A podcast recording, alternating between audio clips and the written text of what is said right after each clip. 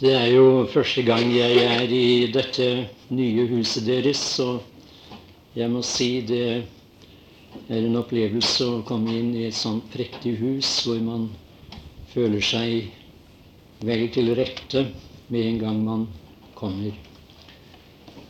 Eh, jeg tenkte på det i dag at det er eh, ja, betydelig over 30 år siden, kanskje 35 år siden, det var begynnelsen av 50-tallet, at jeg var her og holdt en bibeluke. Det var naturligvis da i det gamle bedehuset. Det var Johannes Kjøstvedt eh, som da inviterte meg. Og jeg minnes ham med glede og takk til Gud. Det var en gudhengiven mann som jeg vet betydde meget for forsamlingen her i eh, Randesund. Nå er han hjemme, og vi går imot det samme mål. Snart er vi hjemme og står for tronen. Når det gjelder eh, de bibeltimene som jeg skal få ha her, så er emnet, som allerede nevnt, eh, den troendes stilling, tilstand og vandring. Og Vi skal som eh, utgangspunkt lese fra Efeserbrevet. Det er det annet kapittel, og vi tar med deg fra vers 4 til og med vers 10. Jesu navn. Men Gud, som er rik på miskunn, har for sin store kjærlighets skyld, som Han elsket oss med, gjort oss levende med Kristus, enda vi var døde ved våre overtredelser. Av nåde er i frelst, og oppvakt oss med Ham, og satt oss med Ham i himmelen i Kristus Jesus, for at Han i de kommende tider kunne vise sin nådes overvettes rikdom i godhet mot oss i Kristus Jesus. For av nåde er i frelst ved tro, og det ikke av det selv, det er Guds gave. Ikke av gjerninger for at ikke noen skal rose seg. For vi er Hans verk, skapt i Kristus Jesus til gode gjerninger som Gud forut har lagt ferdige, at vi skulle vandre i dem. Amen.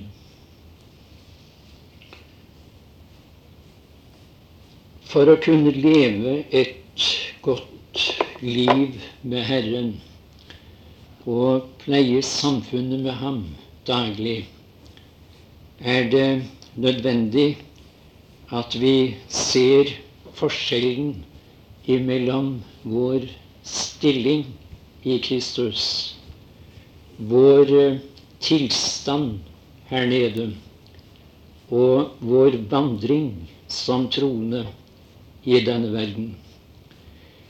Jeg tenkte på det da jeg prøvde å forberede meg til disse møtene eller bibeltimene, at jeg er usigelig glad for at jeg på et tidlig tidspunkt i mitt liv fikk se noe av dette, ble brakt til erkjennelse av forskjellen mellom disse eh, tre begrepene. Og det har vært min bønn, og jeg tror det har vært deres bønn, så mange som hører Herren til, at disse sannheter, de må kunne gå opp for noen vi overlater det fullt og helt til Den hellige ånd. Det er bare Han som kan lukke dette opp for oss. Men vi ønsker at de mange nye på veien, de som nylig er kommet over på Herrens side her i Randesund, og hvor det gleder våre hjerter å høre at syndere blir frelst også i dag. Vi ønsker at fremfor alt dere måtte få se noe av dette. For jeg vet det betyr som jeg allerede har antydet, så usigelig meget at man ser dette fra begynnelsen av i sitt trosliv. Eh, når det gjelder begrepets stilling, så forekommer vel det egentlig ikke i Skriften. Men med det eh, ordet forstår vi hva vi er for Gud uavbrutt i en annen person. La meg si det en gang til, og så kan du tenke over det.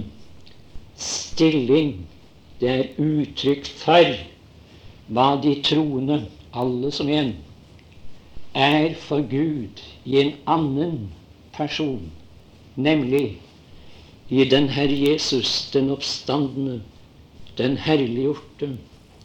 Han som til stadighet er til velbehag for Gud der hjemme. Med hensyn til tilstand så tenker vi på den forfatning vi er i så lenge vi lever ved tro i denne verden. Før vi er kommet hjem.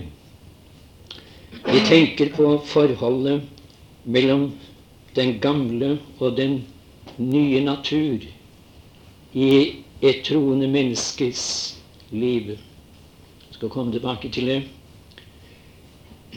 Vandring står naturligvis for vår eh, oppførsel, måten vi fører vårt liv på som troende her på jorden. Hvordan vi ter oss som troende her. Og det er meget viktig.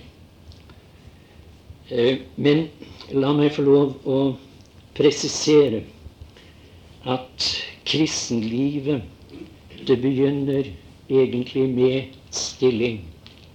Det er uhyre viktig å se det. Det begynner ikke med vandring eller tilstand, men det begynner, mine tilhørere, med den opphøyede stilling som vi har fra gjenfølelsesøyeblikket av, altså, i Ham. Å, måtte det kunne skje at vi kunne synge når denne timen og disse timene er over. Sløret drog han fra mitt øye, viste meg sin herlighet. Ja, det er en herlighet der som Den hellige ånd gjennom Skriften vil vise oss. Så har du sett det før, så vet jeg at intet vil varme ditt hjerte som nettopp å lytte til et budskap på nytt hva du er i Ham. Det er stillingen som har reddet oss, godtfolk. Stillingen i Ham. Til hvilken del av Skriften skal vi henvende oss for å få rede på vår stilling? Når det gjelder spørsmålet om vår stilling, merk deg, da går vi ikke til i første rekke Det gamle testamentet. Heller ikke til de fire evangelier. Jeg har lagt merke til at mange mener at det som står i de fire evangelier, det må være høydepunktet av alt som står i Guds ord. For, sier de, der hører vi Jesu egen tale til oss. Og jeg var iblant dem som mente at når jeg skulle lese Guds ord, så måtte det bli i Salmenes bok eller i evangeliene. Eh, hvor eh, feilaktig dette er, det ser vi når vi leser Johans evangelium, det 16. kapittel. Og jeg vil be dere slå opp der. Johans evangelium, det 16. kapittel. Og vi hører fra det ja, det 13. vers. Vi tar med forresten fra vers 12. Ennu har jeg meget å si eder. Og det var spesielt dette jeg ville understreke. men I kan ikke bære det nu. Her sier den Herr Jesus uttrykkelig, som du hører, at han har enda meget å si sine disipler, eller apostlene. Men dere kan ikke bære det nå, sier han. Vi leser vers 13. Men når Han, sannhetens ånd, kommer, skal Han veilede eder til hele sannheten. For han skal ikke tale av seg selv, men det som han hører, det skal han tale.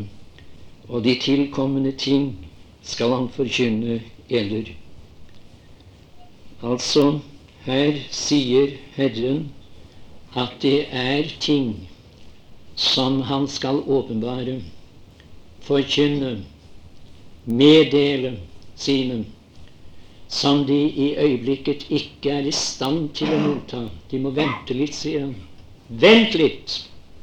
Der kommer en dag, sier han, da, da dette skal bli forkynt. Og det vil skje når Den hellige ånd kommer. Og vi vet at han kom på en spesiell måte på pinsefestens dag etter Kristi død, oppstandelse og hjemgang til herligheten.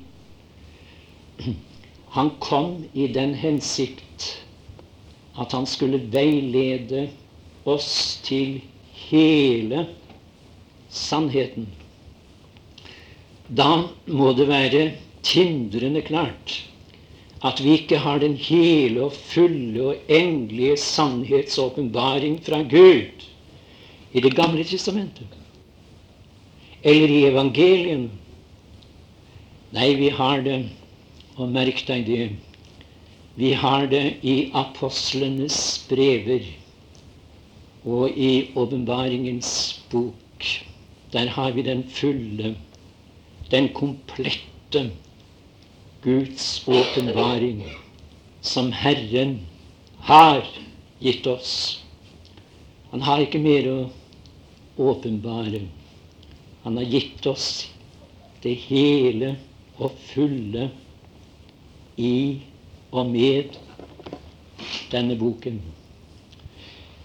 Men det er altså en stigning, la meg understreke det, i åpenbaringsordet. Jeg synes det er en veldig fin illustrasjon den Herre Jesus bruker når han sier i Markus evangelium, det fjerde kapittel Vi skal lese der det 28. vers. Og Jeg syns det passer så utmerket på det vi her er inne på. Markus kapittel 4, vers 28.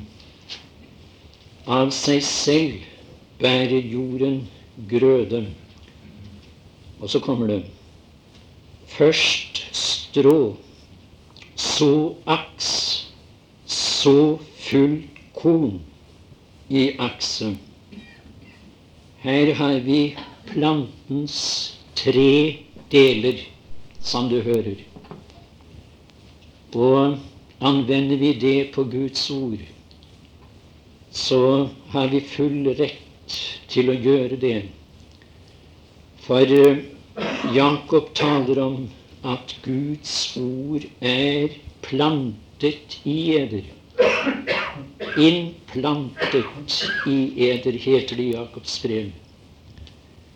Og her har du altså de tre delene.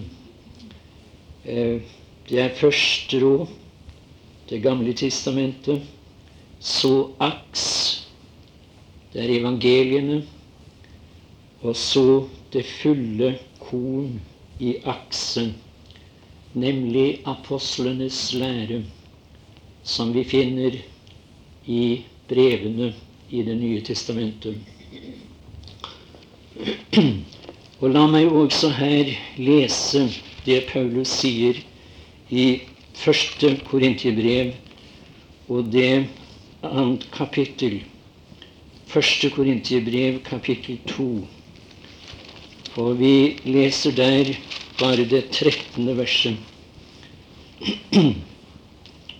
Det som vi også taler om, ikke med ord som menneskelig visdom lærer, men med ord som Ånden lærer.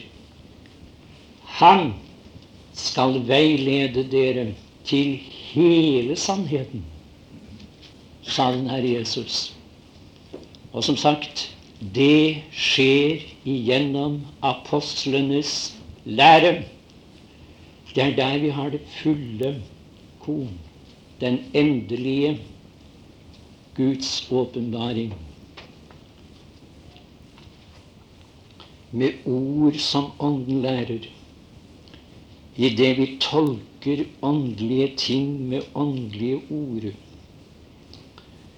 Og jeg vil så gjerne bekjenne og jeg tror det er viktig i dag.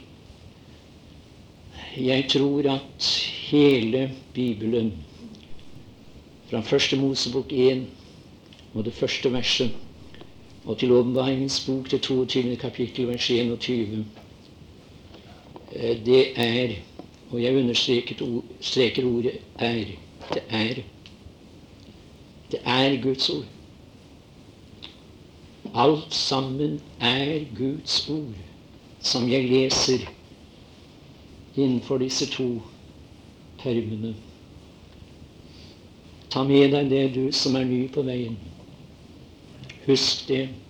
Gå alltid til Bibelen i bevisstheten om at det er Guds ord du får gjennom denne boken.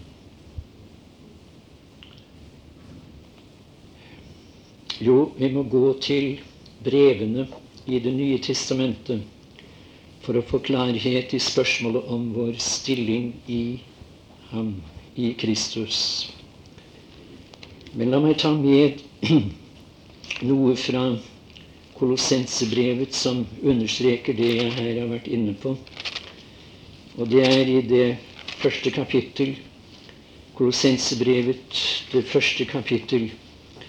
Og vi leser 24 og 25. Det er spesielt det 25. vers jeg vil henlede din oppmerksomhet på. Eh, nå gleder jeg meg over mine lidelser for eder, og utfyller i mitt kjød det som ennå fattes i Kristi trengsler for Hans legeme, som er menigheten. Hvis tjener jeg er blitt efter den Guds husholdning som er meg gitt iblant eder. Og merk nå Jeg vet ikke om du har stanset for hva her står. Det vil si å fullføre Guds ord. Eh, tydeligere kan det vel ikke sies, og jeg tror at selv et barn som måtte være her, som har nådd skolealderen, vil forstå dette. Vi skal lese det igjen. Paulus' oppgave var å være med, sier han, og fullføre Guds ord. Det var altså ikke fullført før. Men nå foreligger det komplett i Skriften. Det Gud har å meddele oss. Og høydepunktet av den guddommelige åpenbarelsen er, så langt jeg er i stand til å se det, det er sannheten om den troendes stilling i ham, i Kristus. Vi skal se litt på hva det innebærer, dette. Og da vil jeg for det første eh, stanse litt for det vi leser i det tredje verset i Efesebrevet 1. Det tredje vers. Der heter det Og jeg undrer meg ikke over at apostelen finner grunn til å lovprise Gud. Jeg tror det skulle bli lovprisning i denne forsamling om vi kunne se det i dag. Se det på nytt. At det grep våre hjerte på nytt. Hør nå. Lovet være Gud og være Jesu Kristi Fader. Han som og det er to, spesielt to ord jeg har understreket i min bibel i dette verset. Og det har jeg lyst også til å betone når jeg nå leser dem. Hør nå. Lovet være Gud over en Jesu Kristi Fader, Han som har, har velsignet oss med all, all åndelig velsignelse i himmelen i Kristus. Ja, det var disse to ordene her. Det står ikke at han har til hensikt å velsigne oss. Det står ikke at han skal eller vil velsigne oss. Men det står Å, jeg fryder meg når jeg leser dette. Han har velsignet oss. Ikke med en delvis velsignelse, men med all. Har velsignet oss. Unnskyld at jeg tar det opp igjen, men jeg gjør det for at det skal sitte bedre igjen, om Guds ånd kunne få benytte det nå, bruke det nå. Har velsignet oss med all åndelig velsignelse. Hvor hen? Ikke på jorden. Nei. Men på et bestemt sted, et trygt sted, mine tilhørere. I himmelen i Kristus Jesus. Det er der vi har det. Jeg så en bok for noen år siden. Den bar tittelen 'Gud har mere å gi'. Gud har mere å gi. Det var noe i meg som protesterte. Ja, det var virkelig det. Nå må du ikke misforstå meg, for det kan naturligvis misforstås. Men jeg skal prøve å forklare hva jeg mener. Jeg tror at hvis jeg skulle skrive en bok i dag, så ville jeg, om jeg skulle tale over dette som jeg er inne på i aften, jeg ville, jeg ville kalle den 'Gud har ikke mer å gi'. Gud har ikke mer å gi. Hør nå. Han har gitt alt i sin elskede sønn. Han har ikke mer å gi. Han har ikke holdt noe tilbake. Han har skjenket oss alt i ham. Det er det som er det fine. Du har det. Eier det. Er i besittelse av det. Det er ditt. Det jeg trenger det er å be den bønnen som jeg ofte ber. O Jesus, åpne du mitt øye. O Jesus, åpne du mitt øye. Og om det kunne skje gjennom disse timene Jeg skal si dere, vi kommer ikke til, til Randesund, Gauslo og jeg for at vi skal bare sitte her og lytte og, og ha det godt sammen en, en times tid eller to. Vi er kommet her for å gi noe fra Han. Noe som kunne bli oss til hjelp i hverdagen der vi skal leve vårt liv som troende. Du har det. Du eier det. Han har gitt alt i denne velsignede personen. Og derfor så ber jeg, O Jesus, åpne du mitt øye, at jeg må se hvor rik jeg er. Jeg må få øye på det bli brakt til erkjennelse av det.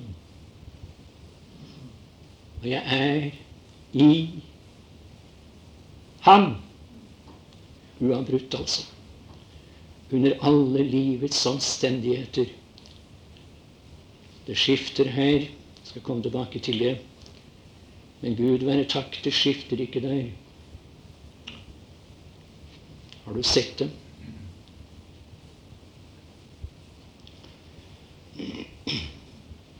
For det annet I ham er vi allerede brakt hjem. Vi er allerede hjemme. Vi er brakt inn i det himmelske palass. Vi er der.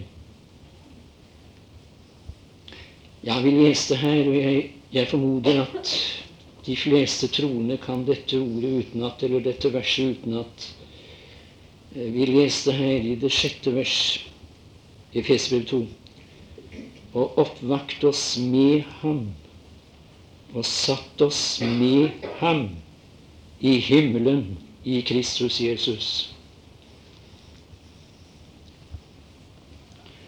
Ja, vi, vi er allerede hjemme, godt folk. Vi er allerede hjemme. Ikke våre egne personer, men i hans person. Jeg undrer meg ikke over det som hendte. Jeg visste ikke om det, forresten. Det var i vekkelsen i Kopervik i 1958. Det var mange unge ektepar som ble frelst der. Sto der i flere måneder.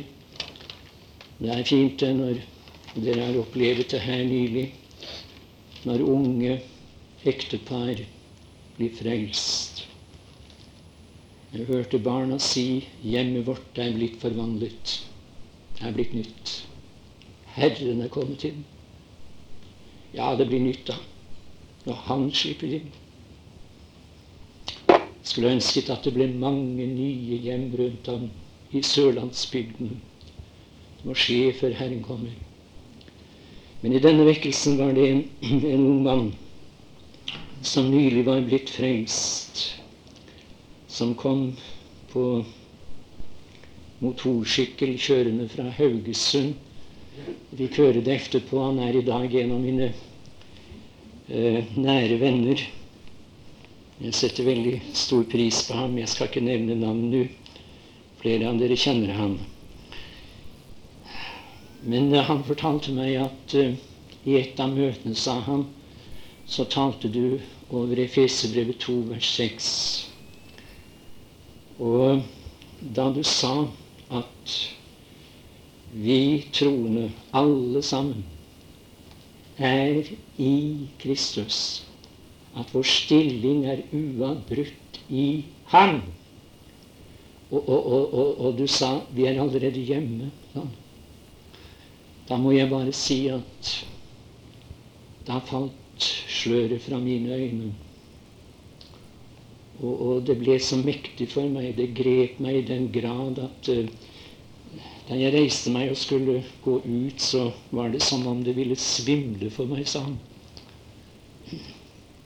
Jeg har aldri hørt noe sånt før, sa han. Har du hørt det før? Ja, hørt det.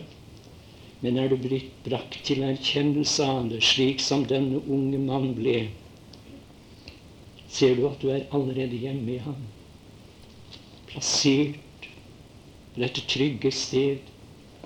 Innenfor det revnede forheng i selve herligheten. Ved Guds høyre hånd.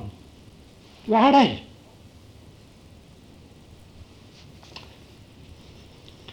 Jeg hørte om en mann som kjørte i sin vogn på en landevei borte i Skottland for mange år siden. Det var før bilene kom, dette. Og så legger han merke til en som spaserer på veien der foran ham.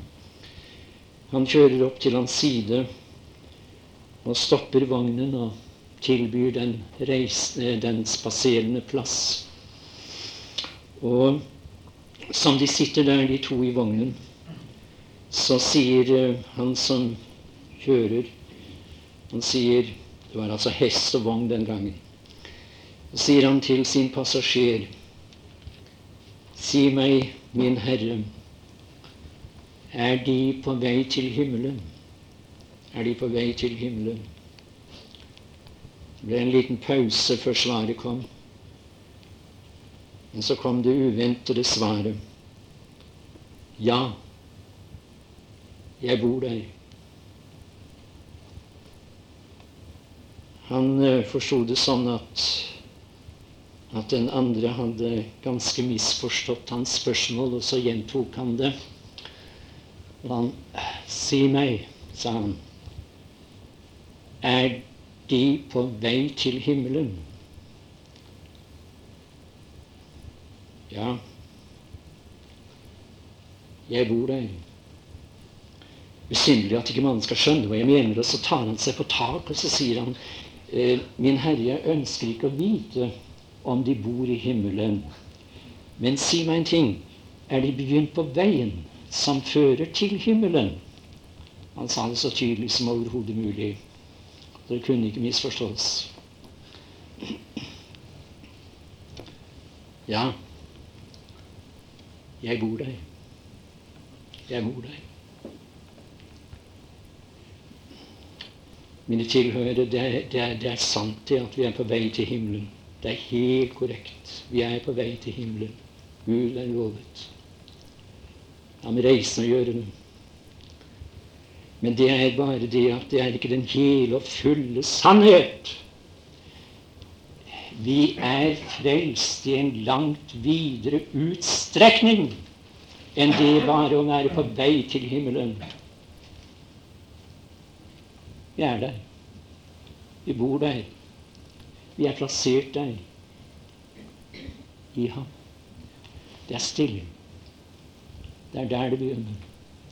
Det som skjer når et menneske blir frelst, det er nemlig at Guds ånd formelig vipper ham over fra syndens og dødens og dommens område, og så bærer det like inn i himmelen hvor ingen synd, ingen dom noensinne skal nå det mennesket. Plassert i ham. Ser du det?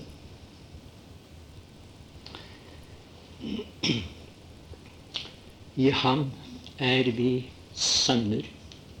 Sønner, sier Bibelen. Det er to forskjellige ord i Skriften for barn og sønn. Og det blir kanskje ikke så ofte fremholdt, så langt jeg kjenner til. Men det er faktisk det. To forskjellige ord i originalspråket far, barn og sønn. Vi blir barn ved fødsel, og barn taler om slektskap. Ikke sant? I Esaias, den niende kapittel vers seks, heter det Et barn er oss født, og en sønn er oss gitt. Altså ikke omvendt. Ikke en sønn er oss født, og et barn er oss gitt. Nei. Kristus ble ikke sønn ved fødsel. Bibelen sier ikke det. Han er den evige. Han har ingen begynnelse og ingen ende. Som sønn i Faderhuset.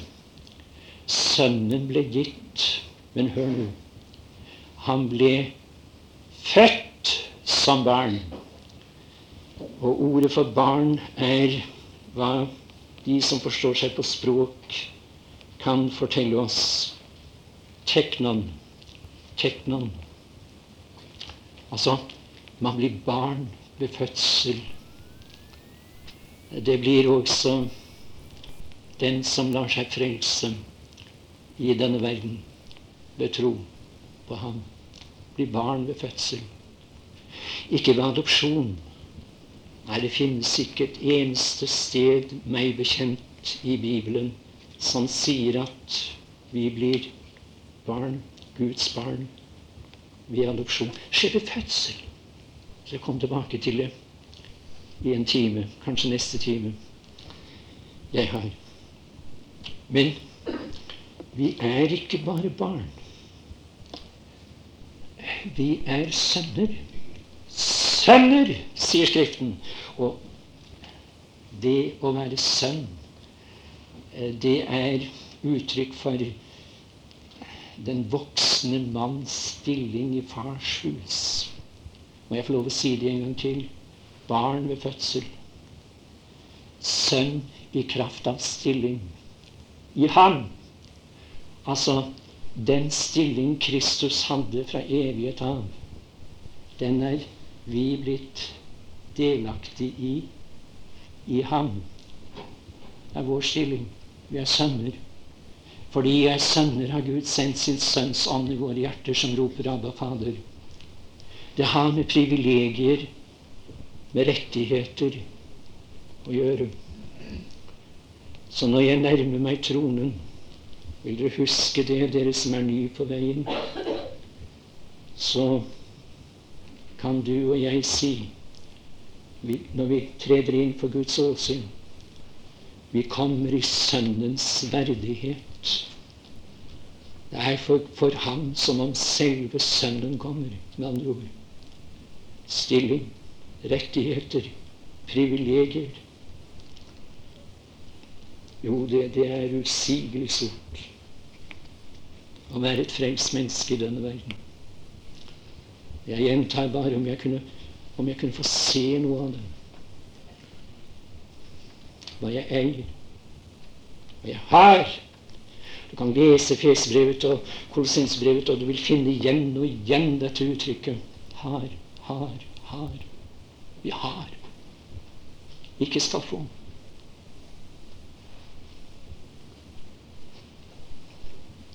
Vi skal også i denne sammenheng lese fra Johans evangelium, det tolvte kapittel vers 24.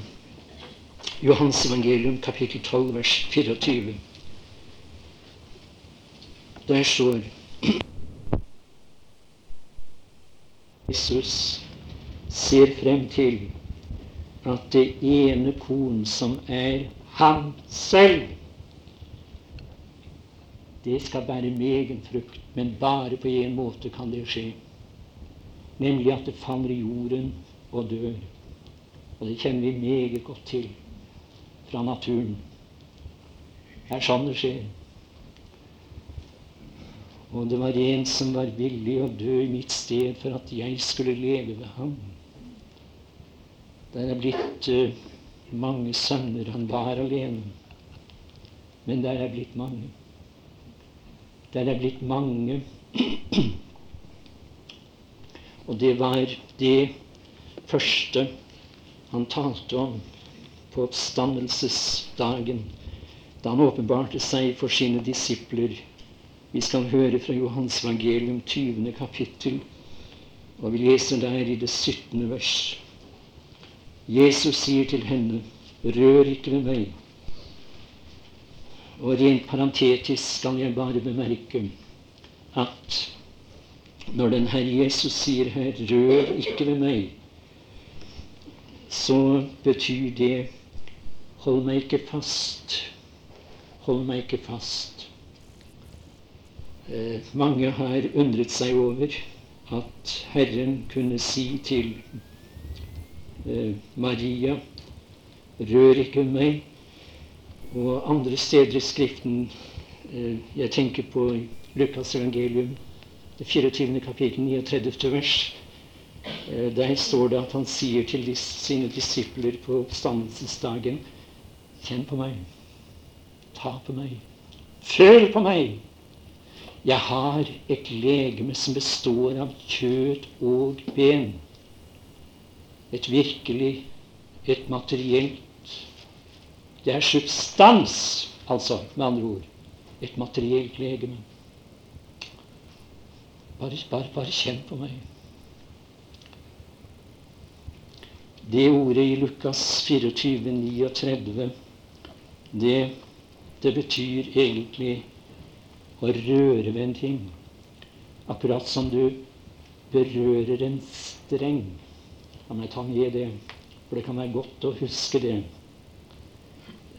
Det ordet her, som sagt, det betyr å gripe fast i en ting. Å holde fast ved en ting. Og nå gjelder det den Herre Jesus. Hun sier, 'Hold meg ikke fast', sier hun. Eh, si, sier han til Maria. Unnskyld. Nå er det ikke sånn som det har vært. Du har kun kjent meg etter kjødet, Maria. Men det, det er blitt noe nytt nå. Det er ikke du som skal holde meg her, men det er jeg som skal holde deg der, der oppe. Ja, det er bare én ting, mine tilhørere, som er årsaken til at han som står her, er blitt bevart gjennom alle år. Fra jeg som ung gutt bøyde meg ved ham, ved hans kors. Bare én ting. Det er en der hjemme som har holdt fast. Det glapp så ofte det taket jeg hadde i ham. Men når det glapp her, så holdt han. Det som er det fine. Hviler du i Hans hånd? Ja, Det ble en nokså lang parentes. Men tilbake til ordet. Altså Johans evangelium 20. kapittel 17. vers. Jesus sier til henne Rør ikke meg, for jeg er ennå ikke faret opp til Faderen. Jeg er oppmerksom på at det er andre tolkninger av dette ordet, men det lar jeg ligge nå. Eh, for jeg er ennå ikke faret opp til himmelen, men gå til Hva sier han? Eh, vil du, vil du se nøye på hva han sier? Sier han 'gå til mine disipler', 'gå til mine tjenere', gå til mine venner. Jo, han sier i Johans evangeliums 15. kapittel at han kaller dem venner. Det er jo stort, usigelig stort, at den Herre Jesus kan kalle de troende for venner. Men her bruker han et uttrykk som er vel verdt å understreke. Han sier 'gå til mine brødre'. Brødre! Hørte du det? Gå til mine brødre. Det er et nytt forhold nå. Jeg har løftet dem så høyt at, at de står på samme plan, samme nivå som jeg. Det vil si, vær oppmerksom på det. Han skal alltid være den førstefødte gjennom alle evigheter, så langt jeg forstår Guds ord. Han skal være den tilbedelsesverdige person. Han skal være den som vi fordyper oss i, beundrer, tilber i evigheten. Men vi er sønner. Vi er blitt hans brødre. Når Hebreerbrev 2 sier det stemmer hans sjel til lovprisning. Dette at han har fått brødre i kraft av sin døde oppstandelse. Så har han fått brødre. Jeg skammer meg ikke ved det, sier han. Tvert imot. Jeg må lovprise. Tror du det betyr noe for ham at han har fått kompanjonger for evigheten? Hun skal være ham så ganske, ganske nær. Vi taler om hva det betyr for oss, og det, det er klart vi skal tale om det. Og Bibelen taler usigelig meget om det. Men vi glemmer under tiden at det var også en annen hensikt, og kanskje det var det fornemste at han gikk så dypt for å løfte oss så svimlende høyt. For at han skulle ha noen som han kunne dele samfunn med gjennom evigheters evighet. Vær i ham stadig. Og taler jeg for noen i denne bibeltimen som ikke er frelst, må jeg si Og jeg vet jeg har de troende med meg Kom til ham. Begynn å tilbe ham. Bøy deg for ham. Ta imot ham her og nå. Så går du rettferdiggjort hjem til ditt hus. Ja, vår Gud. Vi kommer, som vi allerede har nevnt, i din sønns verdighet. Vi har ingen verdighet. Vi har bare synd, elendighet og skam i oss selv. Men vi er brakt inn i en høy og verdig, ærefull stilling i din elskede Sønn, og hans rettigheter og privilegier er våre. Og dette må vi få lov å si deg inderlig takk for. Og vi ber deg at det som vi her har lyttet til ut fra ditt ord, det må sitte igjen i våre hjerter. Sørg du for ved din Hellige Ånd som bor i oss, at vi kunne få se dette så klart at vi jublende går hjem i aften og priser deg. Og det fører til at noen finner grunn til å bøye seg og si deg inderlig takk før de lukker sine øyne for å sove i natt. Takk for at du har frelst meg i den utstrekning at jeg allerede er plassert deg hjemme i ham. Amen.